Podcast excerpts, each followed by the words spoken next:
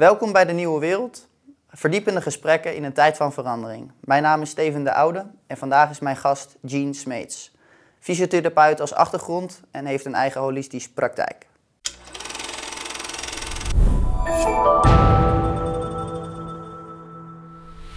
Zeker, ja. Bedankt dat ik hier mag zijn, Steven. Ja, leuk. Ik heb jou uh, uitgenodigd. Ik zei het net al, je hebt fysiotherapie als achtergrond. Je doet het niet meer op diezelfde manier of echt vanuit die uh, insteek. Uh, je hebt nu je eigen praktijk, movement ook. maar tegenwoordig noem je jezelf eerder biomechanica-specialist. Um, kan je, daar gaan we het zo meteen over hebben. Kan je eerst even wat meer toelichten over hoe jij vanuit je fysiotherapie-achtergrond echt een andere insteek, een andere visie ben gaan, uh, heb kunnen vormen. Ja. Nou, duidelijk.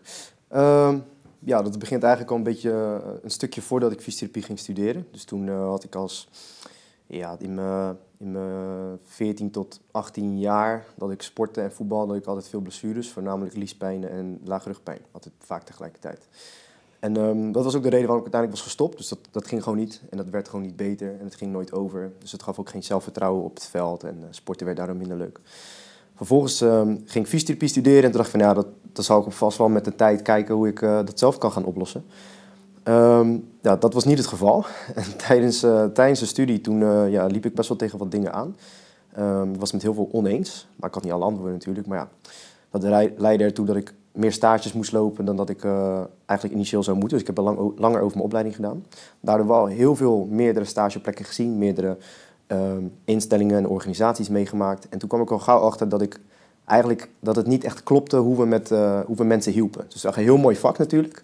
Alleen de manier hoe het in de kern was ingericht en hoe de verzekeraars zeg maar, een beetje impact hadden op de manier van behandelen, dat paste niet echt bij mijn denkwijze. Zeg maar. Dus was ik al gauw uh, was ik daar klaar mee dat ik zoiets van, weet je wat, ik ga het gewoon zelf doen. Ik heb geen flauw idee hoe, maar ik was denk ik een halfjaartje net afgestudeerd of zo, als het niet minder was. En toen had ik al mijn eigen fysiopraktijk gestart.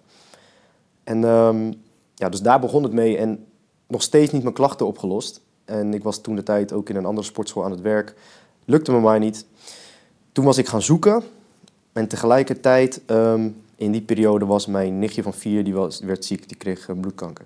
Dus toen was ik op een gegeven moment met mijn zus, was ik met mijn nichtje, of met mijn zus was ik bij de uh, arts en die gaf het uh, slecht nieuwsgesprek, zeg maar. En ik kan me nog heel goed herinneren, dat was een hele emotionele gebeurtenis, maar ik vroeg aan die arts van, ja, hoe kan het nou dat mijn nichtje van vier bloedkanker heeft? Leg me dat uit. Waarom wordt een heel ziekenhuis gemaakt voor kindjes met kanker? Leg me dat uit. Ik zeg, ja, dat weet ik niet. Dus toen dacht ik van, of dat weten we niet, zei ze. Maar dat ging er bij mij niet in. Weet je. Ik dacht van, al die jaren dat we doneren, kan er nou echt niet iets van een oorzaak of oplossing zijn? Dus dat, uh, ja, dat was zo'n emotionele periode nogmaals, dat, dat mij echt een soort drijf gaf van oké, nu ga ik die laptop binnenste buiten keren en dan ga uitzoeken van, ja, hoe zit het nou? Nou, dan kom je in het binnenland, buitenland, kom je bij allerlei artsen, je komt bij allerlei boeken uit, podcasts, dus graven, graven, graven. In de tussentijd nog steeds met mijn eigen ellende bezig, om het zo te zeggen. Toen kwam ik uiteindelijk bij een concept dat heet Functional Patterns, dus dat is het stukje biomechanica. Dus dat concept is vanuit Amerika daarbij uh, wordt er zeg maar, gefocust op de kwaliteit van je beweegpatronen, heel kort gezegd. En in de tussentijd was ik dus research aan het doen, kwam ik onder andere bij een Amerikaanse neurochirurg uit, die heet Dr. Jack Cruz.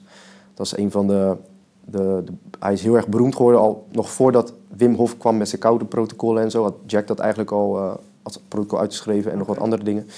En uh, hij bracht zeg maar, het stukje kwantumbiologie in de geneeskunde. Dus nogmaals, hij is neurochirurg, maar hij bracht dus... Kwantumbiologie, kan je ietsjes dus, dus de, de wetenschap over dingetjes die je niet zozeer meteen kan proeven, horen, zien of voelen. Dus de hm. impact van licht, de impact van elektromagnetisme, de impact van straling, allerlei dat soort zaken. Dus meer omgevingsfactoren waar we ja, niet altijd meetbaar zijn. Ja, precies. Dus uh, dat stukje dat bracht hij in de, in de geneeskunde, maakte dat zeg maar bespreekbaar en paste dat toe in zijn eigen praktijk. Dus dat was heel interessant om te volgen in die tijd, toen ik ja. ook al die vragen had.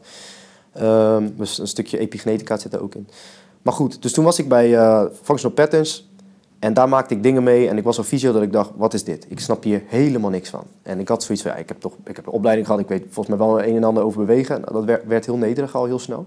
Maar op de laatste dag van die drie dagen, toen gaf een uh, Nederlandse kerel, Thomas van Doorn, die gaf een uh, lezing over exact de onderwerpen die, die Jack Cruz ook gaf over gezondheid. In die periode had ik enorm veel darmklachten.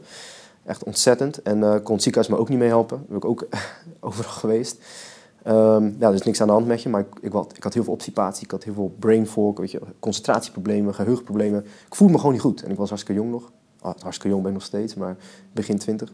Ja. En, ehm, maar goed, dus toen dacht ik van oké, aan die gozer moet ik even eh, tijd gaan besteden. Want hij zegt exact hetzelfde als die, wat die arts zei. Blijkbaar was het dus de student van die arts. Met Thomas gaan werken, dankklachtenweg. Vervolgens was ik dieper in de materie van functional patterns gaan duiken. Wat vervolgopleidingen daarin gedaan. Liespijnen weg. Ik kon weer pijnvrij, koud sprinten. En dat kon ik niet. Ik kon niet pijnvrij sprinten. En toen dat gebeurde, toen was het voor mij van... What the fuck? Wat, Ja. wat is er dan nog meer, weet je wel? Als dit echt zo blijkt, terwijl ik fysiotherapie heb gestudeerd... dan dat is echt gewoon...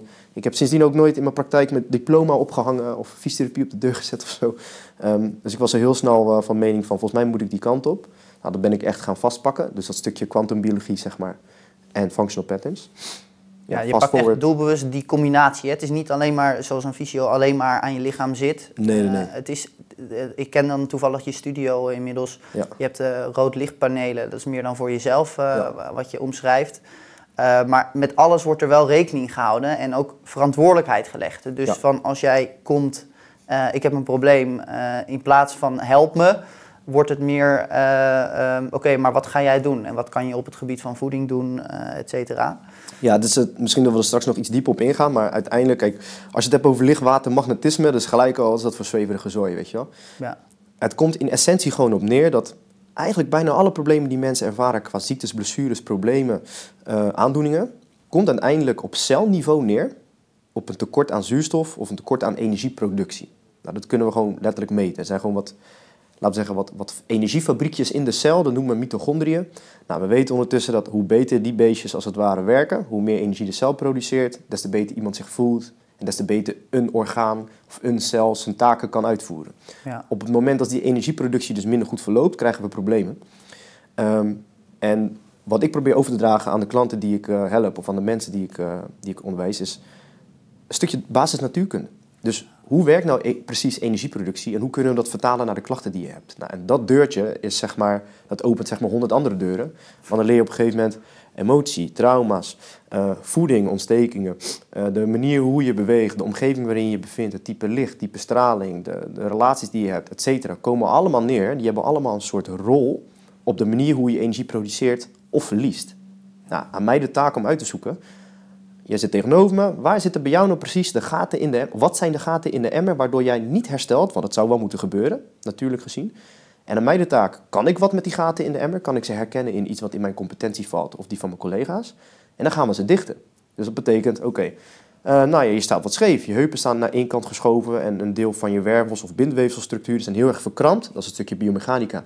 Oké, die ga ik tackelen. Stukje energieproductie is ehm, ontregeld, want bijvoorbeeld iemand zijn slaap of bioklok, bioritme is, is ja, ontregeld. Gaan we daar wat mee doen. Een stukje emotie, trauma, voeding, whatever, dat komt er allemaal bij kijken. Alleen je kan niet alles doen. Ik weet ook niet alles. Daarom beginnen we altijd met de twee, drie grootste gaten in de emmer. Maar En dat nogmaals, zijn meestal? wat zijn meestal bewegen, sowieso bewegen, en bioritme. Ja. Dus dat wil eigenlijk zeggen, ehm, eh, kijk, dus jouw, jouw bioritme, de biologische klok, dat is, eh, laten we zeggen, zit hier, je hebt de hoofdklok in je brein.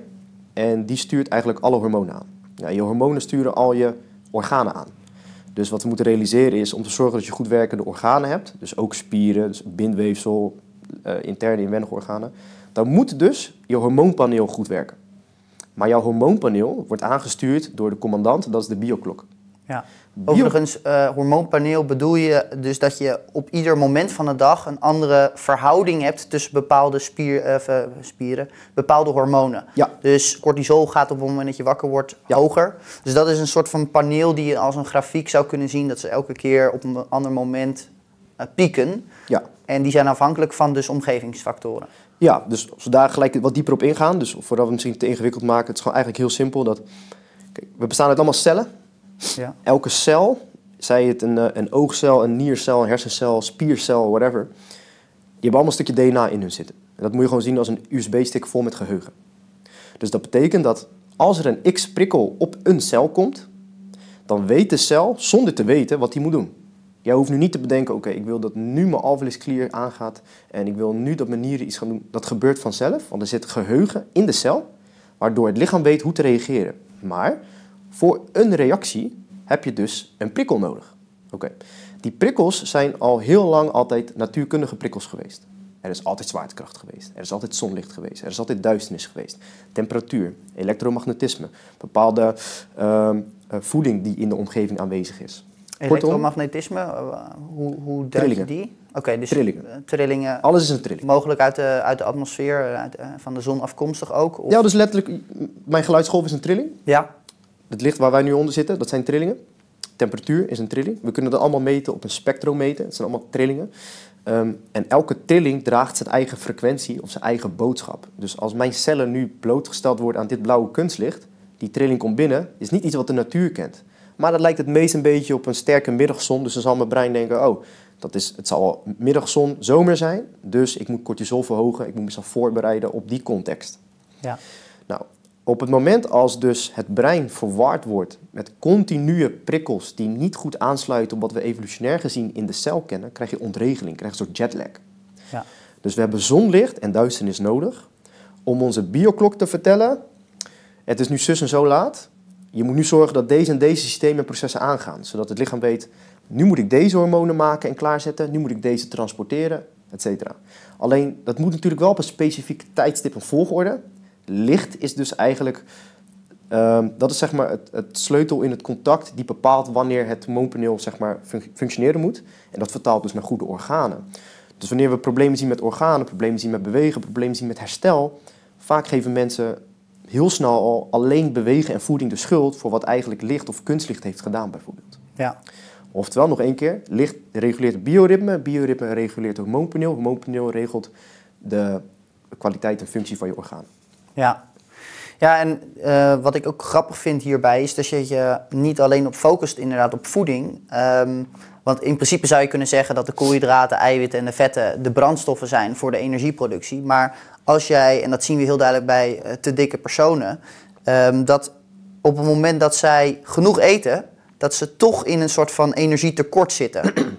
En dat heeft meer met de energieproductie te maken, dus de mitochondriën. Juist. Als ik hem dan goed begrijp, je wilt eigenlijk alle omgevingsfactoren in ieder geval verbeteren. Dat de prikkel, ehm, of nou, dus de prikkel veranderen, waardoor je een betere reactie krijgt, namelijk beter bewegen. Juist. Eh, een betere hor- hormoonreactie, waardoor je meer energie hebt. Ehm, Ja, dus goed dat je dat zegt. Dus energieproductie, dus dat hangt dus aan de energiefabriekjes in de cel, dat zijn de mitochondriën. Die lezen niet koolhydraten, vetten en eiwitten. Die lezen elektronen, protonen en fotonen. Oké, waarom is dat belangrijk om te weten? Over het algemeen heeft men altijd geaccepteerd dat als iemand bijvoorbeeld aankomt, dan is de calorieconsumptie hoger dan wat ze eigenlijk binnen zouden moeten krijgen om gezond of eh, op gewicht te kunnen blijven. Dus ze eten te veel calorieën. Dus er komt te veel energie binnen, dus ze slaan het op als vet. Dat is niet helemaal onwaar, maar ook weer wel. Waarom? Als het zou betekenen dat je meer, meer calorieën binnenkrijgt en meer koolhydraten binnenkrijgt dan dat je nodig zou hebben, zou dat impliceren dat je dus een overschot hebt aan energie. Maar neem iemand die obese is, ziet hij er energiek uit? nee. Nee. Dus dat betekent dat de energieproductie of de energiebehoeftes compleet ontregeld zijn. Sterker nog, op het moment als iets energie verliest, zet het uit. Dus als, als je nu door je enkel gaat, krijg je een dikke enkel. Als je nu een, eh, een hartzakontsteking krijgt, gaat je ha- hart opzwellen. Als ehm, een planeet sterft, ontploft het. Dus alles wat energie verliest, zet uit. Ruud Elvers, een goede vriend van mij, therapeut, die zegt altijd... als het zonnescherm een beetje verweert na een aantal jaren en het, eh, het verliest zijn energie... dan verwelkt die, valt die letterlijk uit elkaar. Dus iets wat elektronen verliest, energie verliest... dat is nog een diepe verhaal, dat zet uit. Dus in dit geval iemand die over- overgewicht heeft... dan is het niet zozeer alleen belangrijk om te kijken wat eet diegene. We moeten kijken naar waar lekt die persoon energie... en hoe gaan we die energieproductie verhogen. Nou, hoe, waar draait energieproductie om? Bij elk mens, maakt niet waar vandaan komt, welke achtergrond je hebt. Voor twee derde maak jij je energie in die mitochondriën uit zonlicht. Een derde uit voeding. Wat betekent dat als je te weinig zonlicht ziet dan? Moet je meer eten. Volg je me? Ja. Oké, dus dat concept moeten we goed realiseren. en eh, eten is niet de energizer voor de cel. Eten is maar een soort subbrandstof, een, een, een ehm, hulpbrandstof voor energieproductie. Energieproductie hangt dus aan, de cel moet blootgesteld worden aan prikkels die energie produceren. Zonlicht zorgt ervoor dat je energie produceert. Goede kwaliteit water zorgt dat je energie produceert. elektronen van de aarde opnemen door met je blote voeten in de aarde of in de zee te staan, zodat je aan het aarden bent, aan het grounden bent, produceert energie. Mensen denken altijd van ja, hippie butterfly shit, toch? Van ja, uh, met je voetjes in de aarde, was het voor gekkigheid. Het is een gratis bron van energieproductie. Wat betekent dat? Heb je minder voedsel nodig. dus als iemand bijvoorbeeld op, de, op het strand staat in de zomer, uh, misschien herkennen mensen dat wel als ze meeluisteren, dan heb je over het algemeen minder trek dan als je bijvoorbeeld heel de dag op kantoor zit, kan je wel tien boterhammen eten. Ja. Blijf honger houden. Ja. Omdat de energieproductie die je uh, uh, regelt op het strand, onder de zon en, en grounded, geaard, dat levert zoveel op. Je hebt relatief weinig energie uit voedsel nodig. Dat is dus een van de belangrijkste dingen die wij dus... Dat is dus een groot deel in mijn behandeling waar we ons dus op focussen. Energieproductie, dat betekent dus we moeten naar de cel kijken. En dat hangt weer aan de omgeving. Ja, oké. Okay. Um, tijdens de introductie noemde je al eigenlijk um, dat je merkte dat je enorme kennis had als fysiotherapie. Maar dat op het moment dat je werd geconfronteerd met andere kennis, of in ieder geval andere hypotheses die nog uitgetest konden worden, dat je dacht: huh, wat is dit? Kan je wat meer schetsen wat nou de grote paradigmaverschillen zijn tussen uh, de ja, mainstream uh, fysiotherapeut en hoe die wordt opgeleid, vooral, daar ligt het vaak aan. En uh, jouw behandelmethode rondom het be stuk bewegen. Dus ja, de, de okay. beweging en training. Ja, leuke vraag. Nieuw paradigma.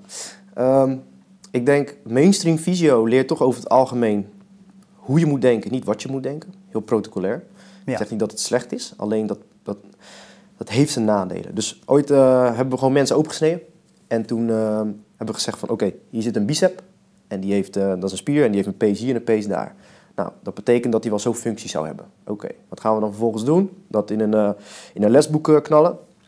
Dat leren aan therapeuten, dokters, artsen, fysio's. We maken hele sportschooltoestellen die zich focussen op die functie, want dat doet die spier. Ja, dat is waar. Maar als je het van een grote geheel bekijkt, heb je eigenlijk maar één spier. Je hebt niet meerdere spieren. Dus het geïsoleerd kijken naar spieren en naar gewrichten maakt ook een, geïsoleerde, een geïsoleerd protocol, een geïsoleerd revalidatieschema, een geïsoleerde oefening gericht op dat ene ding. Ja. Maar als ik in mijn auto zit en ik, ik kom nu vanuit Rotterdam hier naartoe rijden, dan heb ik niet alleen goed functionerende banden nodig. Ook niet alleen een goed functionerend motorblock. Mijn ruitenwissers moeten het doen, mijn motorblok moeten het doen, mijn spiegels, mijn chassis, mijn vink. Alles moet het doen om te zorgen dat ik zonder kleerscheuren, duurzaam, van A naar B kom. Dus een mooi voorbeeld um, wat ik altijd wil geven is... Op het moment als de cel, de eicel van, van mama bevrucht wordt door de zaadcel... Op dat moment vindt er letterlijk een lichtflits plaats, daar komen we misschien nog later op. En um, gaat de foetus groeien, wordt het een baby, mens, et cetera. Vanaf dat ene celletje die bevrucht is, vanaf die foetus, groeit alles dus vanuit één plek tot een baby met alles erop en eraan. Er werd niks in de tussentijd toegevoegd. Dus er kwam geen Amazon-bestelling die zei van hier hebben we nog een paar ledematen erbij. Nee, alle informatie om de mens te maken, om die foetus te maken, zat al in de cel. Dus als alles vanuit één punt groeit, is alles dus ook één. Dus ook alles is één systeem. Dus je kan niet zeggen dat je, stel ik zeg nu tegen jou, ja ik ben bij de arts geweest, mijn afleesklier is helemaal naar de kloot, maar voor de rest ben ik gewoon gezond. Nee, tuurlijk niet. Het hele systeem hangt aan elkaar. Dus met betrekking tot bewegen en fysiotherapie. Het is dus belangrijk om het spierstelsel, zenuwstelsel, botstelsel te zien als één systeem. En te kijken hoe dat reageert op stressoren. Om dat dan vervolgens te behandelen, moet je het ook benaderen als één systeem. Dus het paradigmaverschil wat hierin dus zit als antwoord op je vraag is... Kijk naar de mens als geheel. Vooral hoe wij als mensen altijd bewogen hebben. Bijvoorbeeld, vogels die vliegen, vissen die zwemmen, Mensen die lopen, hardlopen en gooien. Dat is wat elk mens, gezond mens, kan. Je hoeft niet een kindje. Ik heb nu een zoon van anderhalf. Ik heb hem niet hoeven leren lopen, of leren gooien. Dat kunnen ze allemaal. Elke ouder zal het beamen. Blijkbaar is dat zo'n belangrijke kenmerk voor mens zijn, dat dat erin zit, in dat DNA. Dat is zo'n belangrijke eigenschap om te overleven. Dus met overleven bedoel ik de, alle periodes die we hiervoor hebben gekend. En de moderne tijd die wij nu kennen, waarin we nu leven, is natuurlijk maar een fractie van waar we vandaan komen. Maar kennelijk hebben we altijd op twee benen gestaan.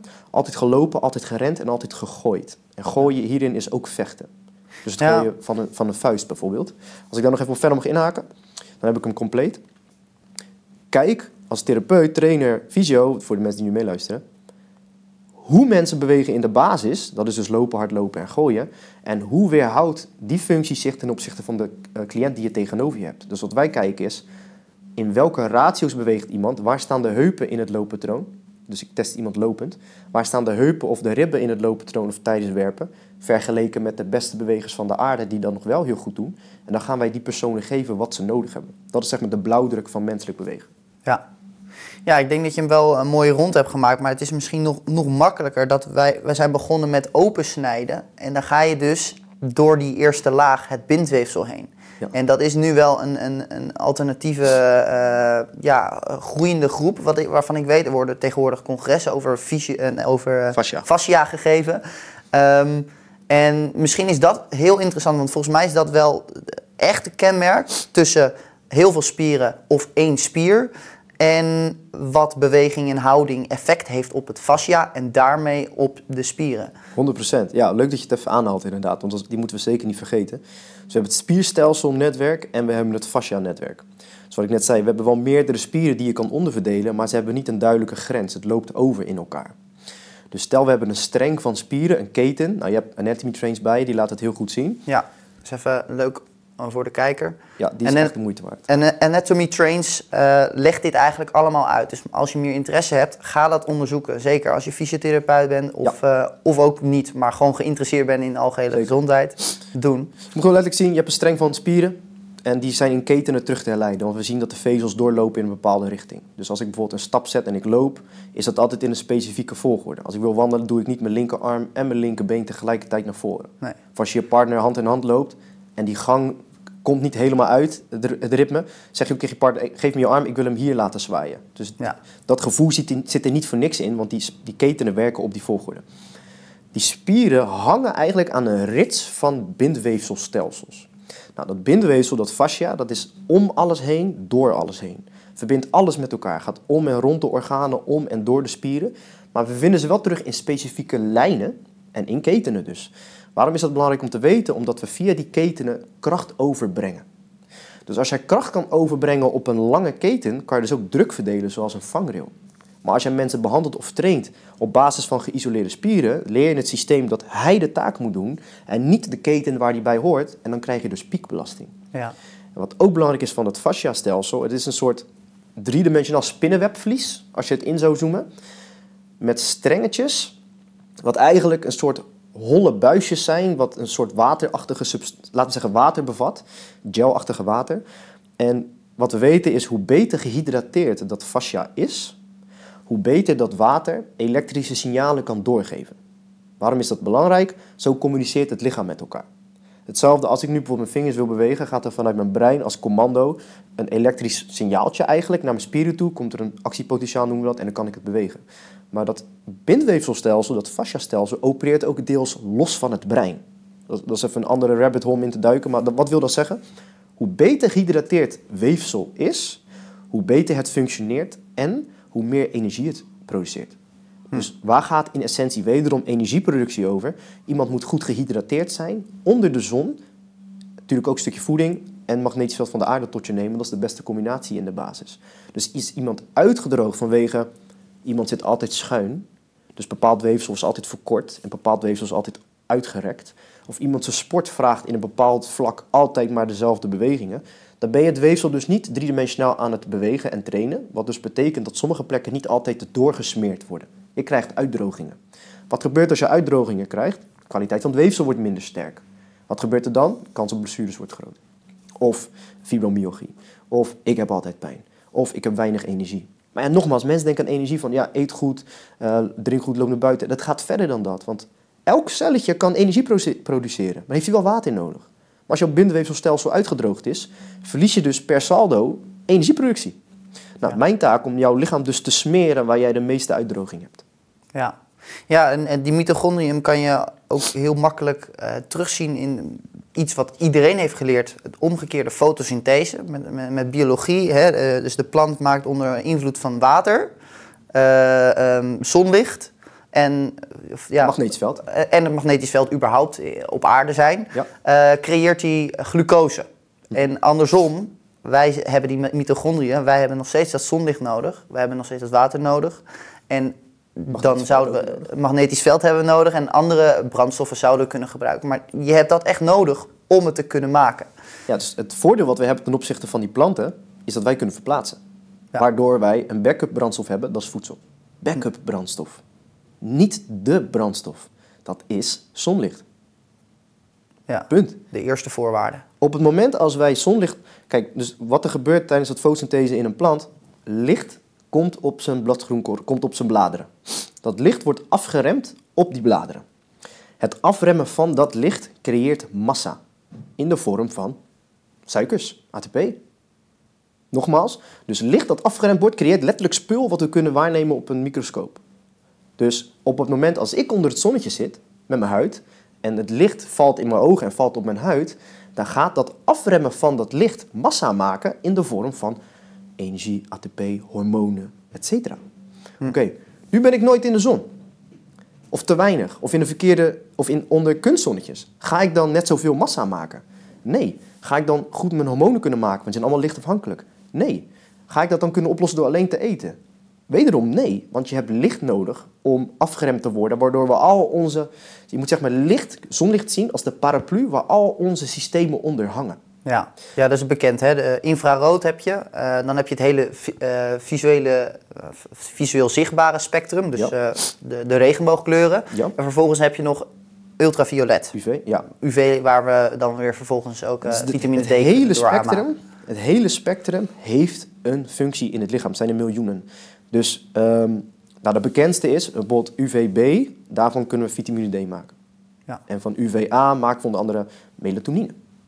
Maar in de natuur, zoals het ehm, DNA altijd gewend is geweest van de zon, is zonlicht altijd in een bepaalde frequentie in balans met al die kleuren.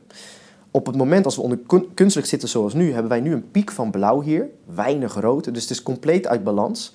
En wat dat doet met ons bioritme is, ja, dat creëert die jetlags. Het creëert storingen in het systeem, waardoor we dus ook storingen krijgen in de productie en het transport van hormonen. Ehm, je verzadigingshormonen, leptine, ghreline raken ontregeld. Ehm, dat betekent dat je, eh, je trek anders wordt eh, ge- ge- gere- gereguleerd. Dat betekent dat je weer meer wilt eten. Dat betekent dat het wat doet met je dopamine, serotonine. Dus hoe je je voelt qua humeur. Dan gaan we braaf naar de arts, psycholoog. Eet wat beter, ja, mediteer een beetje. Ja en nee, alles heeft zijn plaats. In elke context is alles, in, het anders zeggen, elke dieet, elk dieet, elke methodiek werkt. Ligt er maar net aan vanuit welke context je het bekijkt. Maar in de basis, net als bij die plant, hebben wij gewoon een bepaald mechanisme hoe wij energie produceren. Eerst dat, dan de rest. Eh, dat laatste was me eh, niet helemaal duidelijk. Ja, je zegt, eh, in, in essentie werkt elk dieet. Kan je die ietsjes meer... Stel je voor, ehm, ik ben vegan, ben ik niet. Maar ik heb daar mijn redenen voor, want het werkt goed voor dat je je beter voelt. Oké, dat kan. Niemand, heel veel vegans zouden dat ook niet ontkennen. Dus een vegan dieet kan in sommige situaties heel erg goed voelen. En voordeel hebben voor een persoon. Carnivore ook. Ehm flexitariër ook. Fruitariër ook. Ehm fysiotherapie kan heel goed werken voor heel veel mensen. Crossfit kan heel goed werken voor sommige mensen. Dus het ligt er maar net aan vanuit welke bril je het bekijkt, vanuit welke context je het bekijkt en welke variabelen jij denkt aan te willen passen. Bijvoorbeeld, als ik als variabele heb die ik wil aanpassen, ik wil me goed voelen, dan kan ik me goed voelen bij een vegan dieet. Of bij een fruitariër dieet. Ik kan me goed voelen bij heel de dag deadlifts doen. En het leuke is, het interessante is, ehm, jouw gevoel is heel vaak een slechte raadgever. Of laat me het anders zeggen, jouw, jouw gevoel is niet een goede indicator voor jouw gezondheid. Ja, hij was, eh, we, kennen, we hebben allemaal mensen waarschijnlijk in de familie die kanker hebben. Of hebben gehad of overleden zijn daaraan. Want die cijfers zijn gewoon heel hoog. Dus we hebben allemaal waarschijnlijk wel een verhaal die we kennen. Hij of zij was zo, was zo goed, hij voelde zich altijd goed en toen was hij er niet meer. Dat gevoel is dus een slechte indicator voor wat er daadwerkelijk van binnen gebeurt. Want je hebt simpelweg niet sensoren voor alles. Ja. Ik weet niet wat mijn afwaskliniek nu doet. Oké, Nee, dus, Dus- dat is het verhaal ook dat we gewoon een, eigenlijk een hele grote emmer hebben. En we kunnen dus heel lang eh, verkeerd of suboptimaal gedrag vertonen. Die emmer loopt vol. Ondertussen voel je niet nauwelijks wat daarvan. En op een gegeven moment gaat het verkeerd, laat maar zeggen. Ja, precies dat. Vooral als je niet weet op welke variabelen je moet letten.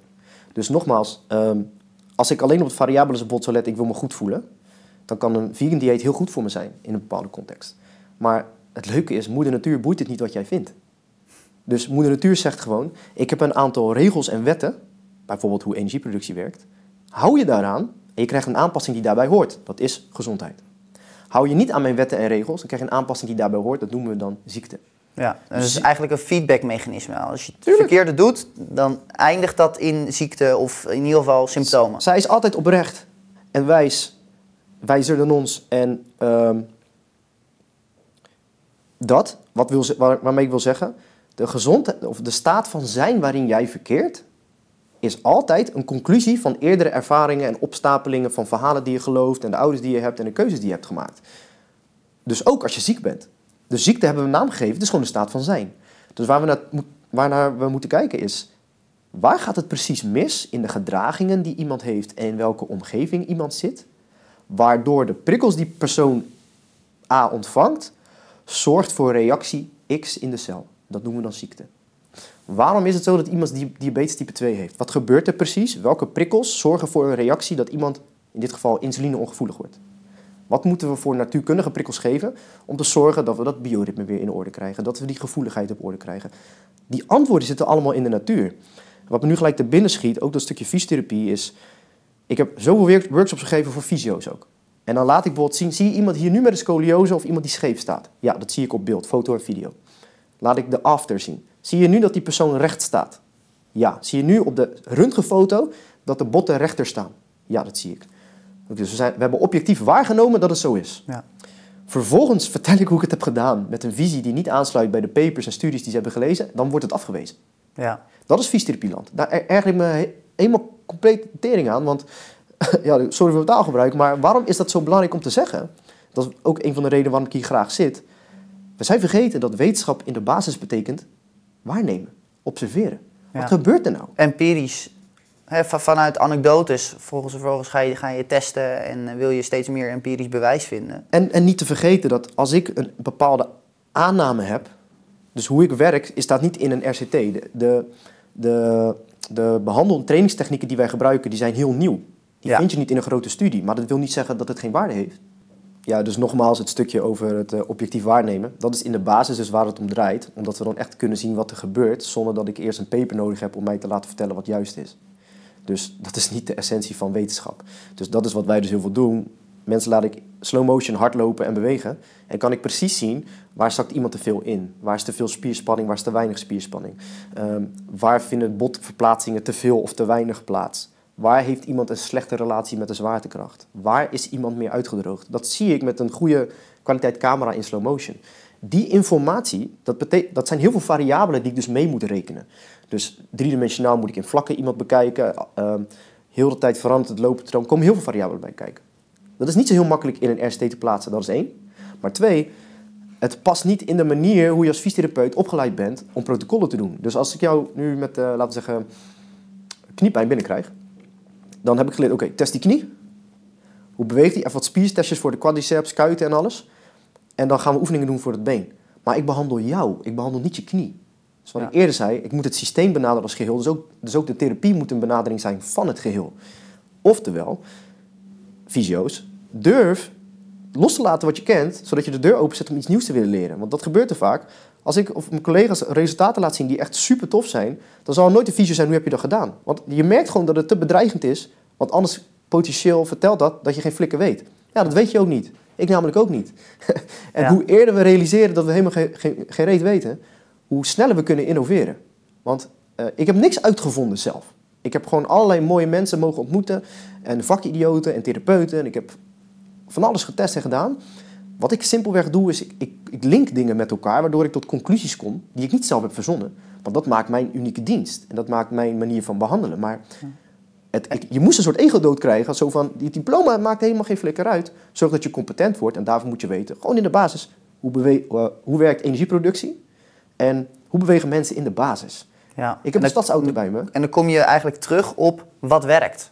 Dus niet, niet zozeer van welke studie, welke, welke randomized control trial heeft dit bewezen.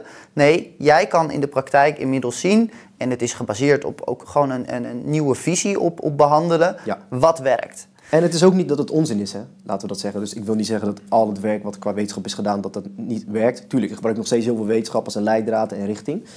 Alleen nogmaals, om echt, kijk, uh, voor mij gaan we nu richting de 12 miljoen mensen in Nederland die, chronische ziek, die chronisch ziek zijn, bekend bij de huisarts. Dus heel veel mensen lopen ook rond met dingen waarvan ze niet eens weten dat het nu speelt.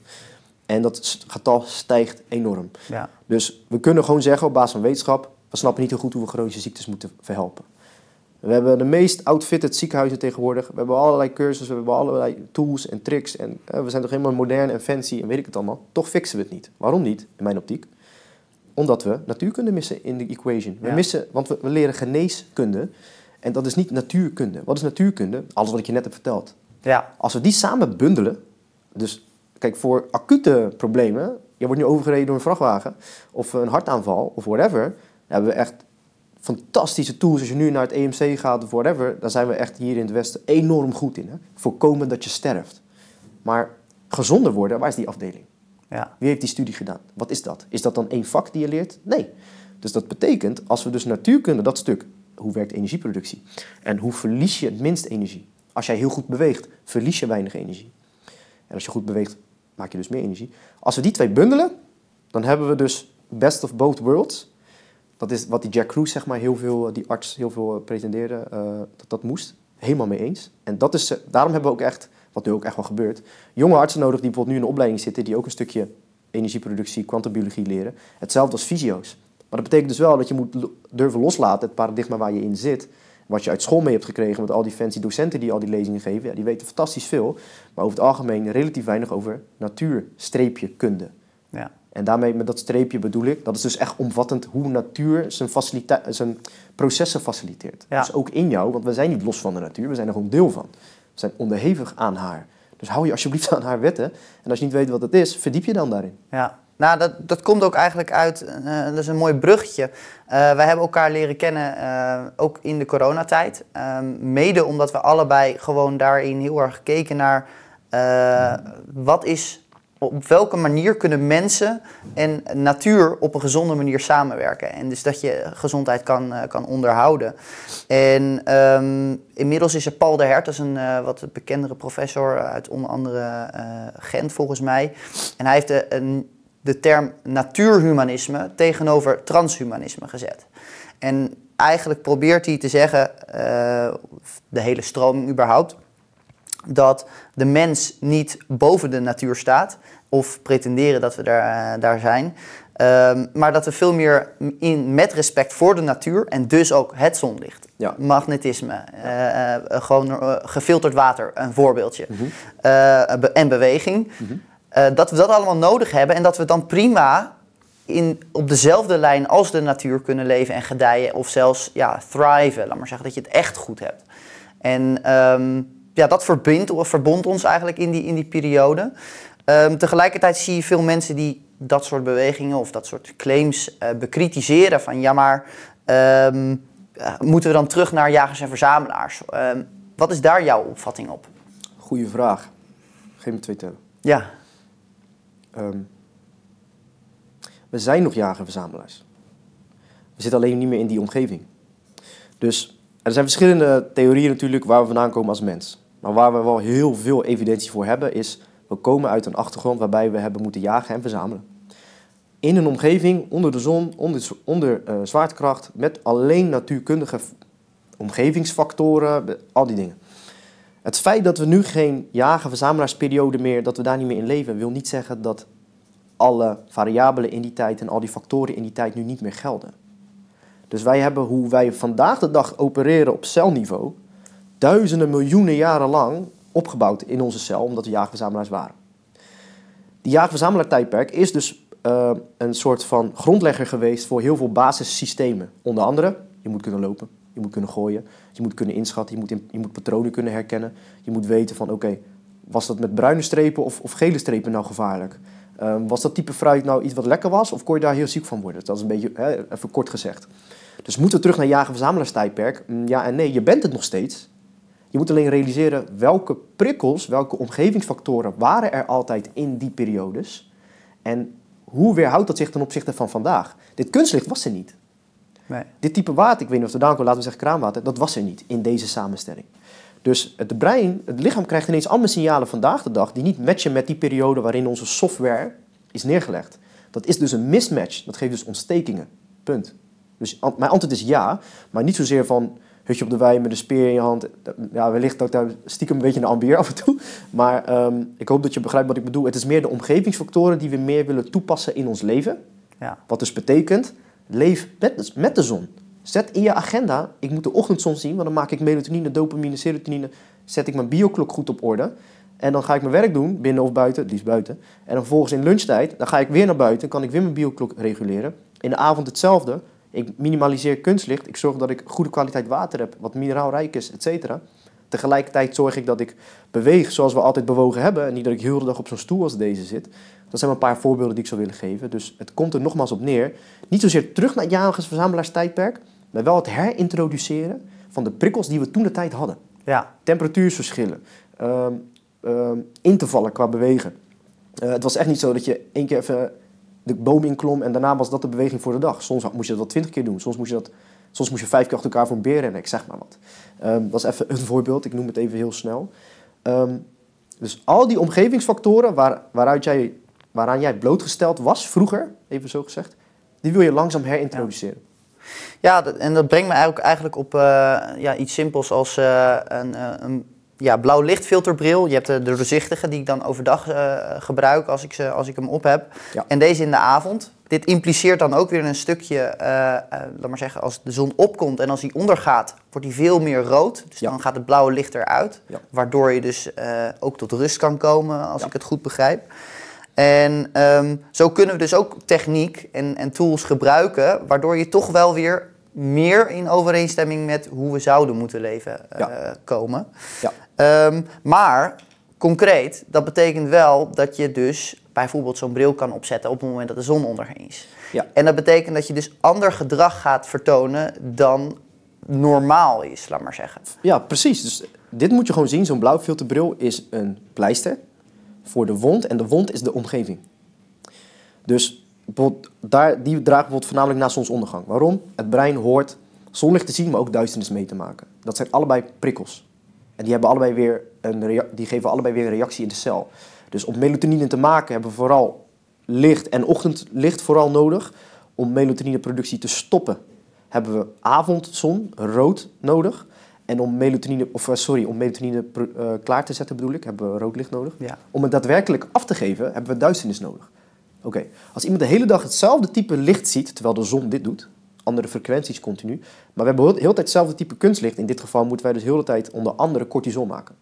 Cortisol is gekoppeld aan de fight-or-flight respons, vechten of vluchten. Dus dat betekent dat het hangt aan overleven. Dus die krijgt voorrang op het maken van heel veel andere hormonen. Melatonine, dopamine, serotonine, vitamine D. Oftewel, ben je continu in stress vanwege het kunstlicht, want je brein denkt heel de dag het is 12 uur 's middags. Ben je heel de tijd in stress, want je lichaam is ontsteking. De buurman zeikt heel de tijd aan je kop.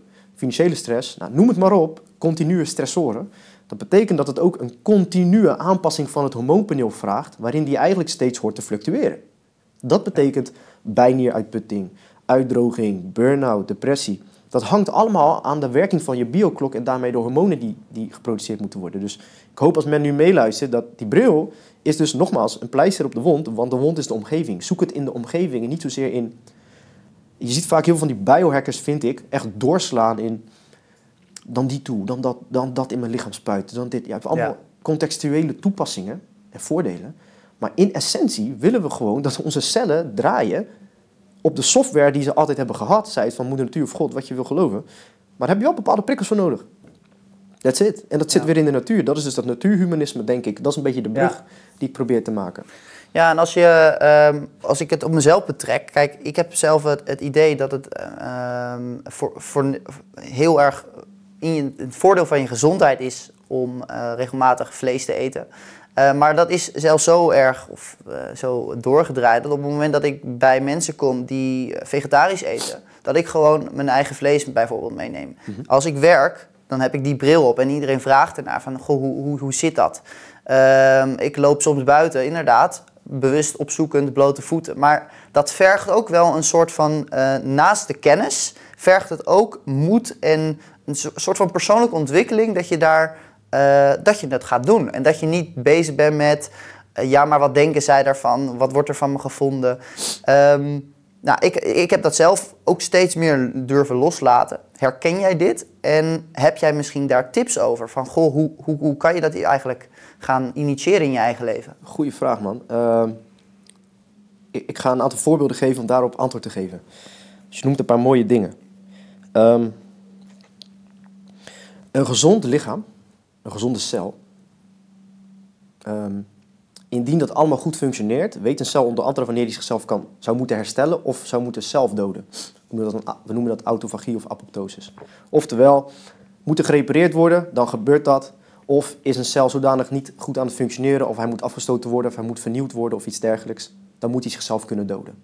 Je zou dus kunnen zeggen dat als iemand, lichaam en geest, gezond genoeg is, is die in staat om zich voor het grotere goed, en moedig genoeg is dus, op te offeren voor het grotere geheel. Die ene cel in gezonde samenstelling kan zichzelf doden voor het grotere geheel, dat is het lichaam.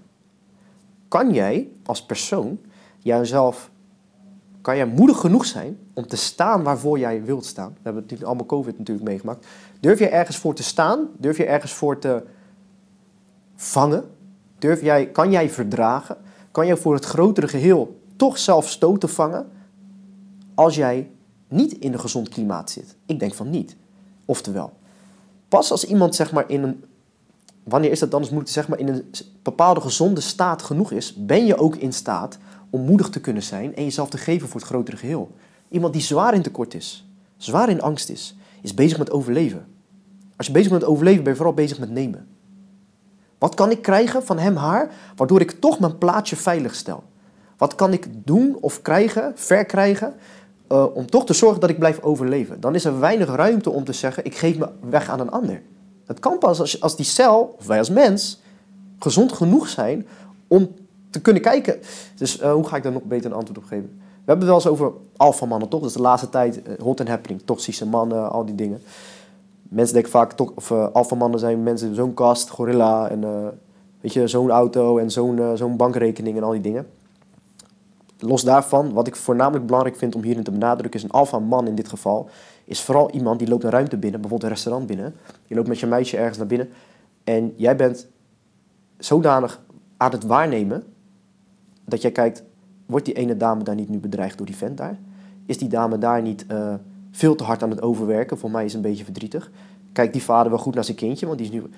Je bent constant aan het kijken waar kan ik dienen en waar kan ik beschermen en, en beschermen. Ja, dienen en beschermen eigenlijk. Uh, provide and protect kan dat ook als jij in dit geval als man zijnde maximaal in ontsteking zit. Je emoties niet beheerst hebt, hartstikke ongezond bent en in angst bent.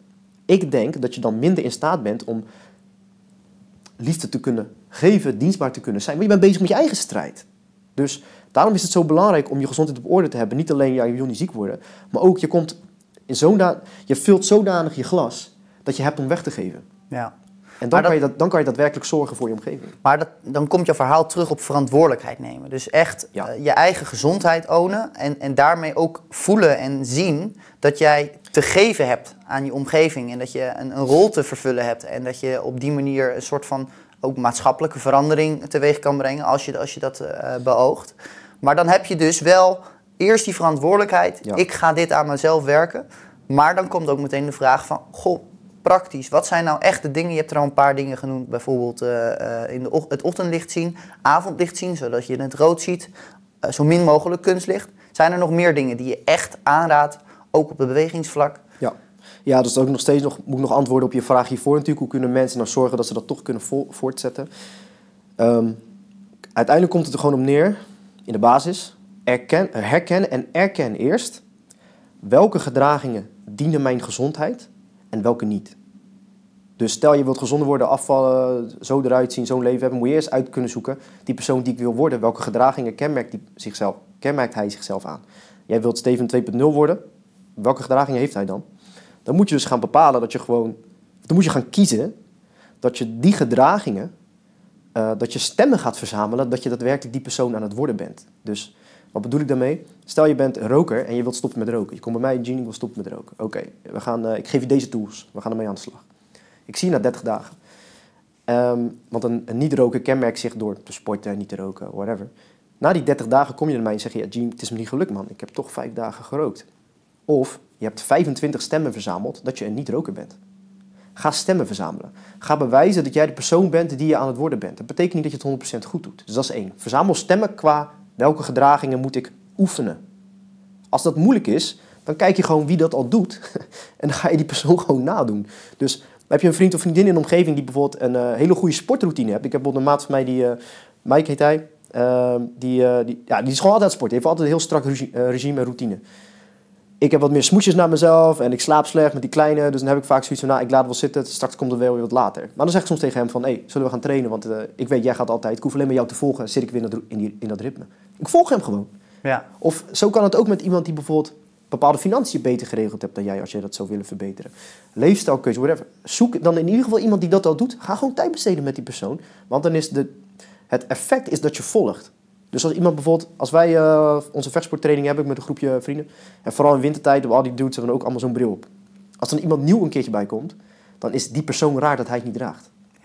Dus wat ga je doen? Je gaat of aanpassen aan de groep en je gaat mee dezelfde gedragingen bouwen, of je wordt afgestoten. Beide is goed voor ons. Dus dat, is, dat is dus twee. Dus kies een groep uit die dus ongeveer doet wat jij zou willen. En drie is gewoon, als je hebt gekozen welke gedraging je wilt gaan toepassen, want je bent van mening dat dat jou gaat helpen, draag gewoon de consequenties die, die daaruit voortkomen. En probeer zoveel mogelijk te leren begrijpen voor dat mensen die ehm, daarop kritiek gaan hebben, dat het komt vanuit een plek die niks te maken hebben met jou, maar met hun strijd. En met hun angsten. Wat jij projecteert of wat zij projecteren op jou. Dus bijvoorbeeld als, laten we zeggen, stel je bent top, top ondernemer. Hè? Je, hebt, eh, je hebt jezelf van 0 naar eh, 100.000 gewerkt, whatever. En eh, iemand die zie je op zijn gat zitten, die klaagt over dat hij geen geld heeft. Dan kan zo'n persoon heel erg geneigd zijn om heel erg aanvallend te zijn van luilak, wat ben je aan het doen man, ga van je reet af. Omdat in potentie kan die topondernemer in dit geval, in die persoon tegenover hem, iemand zien die weerspiegelt wat hij verafschuwt in zichzelf. Als ik eh, overweight ben geweest en ik, ik werk mezelf de pleuris en ik ben gewoon fit geworden en ik ga elke dag naar de gym en ik zie mensen op hun gat zitten en, eh, en eh, dik zijn en ik zou tegen die gozer zeggen, hey, dikzak, ga aan de bak. Waarom zou iemand zo vijandig zijn? Vaak omdat die persoon iemand ja, hij- weerspiegelt in zichzelf wat hij verafschuwt. ja, Als je dat in gedachten hebt en mensen lopen om je heen en zeggen, eh, gekkie, wat doe je nou joh met die bril? Zit je met je blote voeten in het gras? Vanuit liefde alleen kan je meer de mogelijkheid hebben om te kunnen accepteren, verdragen en eh, begrip leren krijgen voor die ander. Hoef je het niet met die persoon eens te zijn, maar hoe meer begrip je krijgt, hoe minder oordeel er is. ja, Dus dit is wel echt een oefening die je zou kunnen doen wanneer je merkt dat je een nieuwe gedraging oppakt en je familie geeft altijd tegengas of je vrienden. Hou jezelf vast aan het feit dat zij ook hun eigen strijd hebben en wellicht ben jij iets aan het weerspiegelen in hun wat hun uitdaagt, prikkelt, whatever. Dat is oké. ja, En als je, als je er moeite mee hebt om dat toch te verdragen in je eentje, laat dan iemand anders die last met jou dragen. ja, Schakel hulp in. Je wilt er niet hulp inschakelen wanneer je, al, wanneer je nog maar eh, vijf ademteugen over hebt. Wanneer je vol zit met kanker. Je wilt er van tevoren liever hulp inschakelen. Dus als je proeft dat dat al een probleempje is of kan gaan worden, hulp inschakelen. Zorg dat de groep, de stam, de tribe, de community eh, jou kan helpen dragen. ja. Mooi, mooie voorbeelden, dankjewel. Ik eh, vond het inspirerend en ik hoop dat het mensen in ieder geval inspireert om überhaupt verder te kijken dan dat wat ze nu al kennen. Dat ze meer acceptatie bij henzelf hebben over eh, goh, hoe kan ik een keertje afwijken. Want afwijken is nodig als je gezond wil worden in een ongezonde maatschappij. En dat is volgens mij wel eh, steeds duidelijker aan het worden. Dankjewel Jean, supermooi eh gesprek ook. Zijn er nog dingen hoe we ze jou te kunnen vinden? Bijvoorbeeld je, je website? Ja, mijn website movement.nl en eh, movement.nl ook op Instagram. Dat is de makkelijkste manier. Eh, waarschijnlijk komt het wel in, hieronder ergens in de caption Ja. of whatever. Ehm, daar kan je me vinden. Super, dankjewel.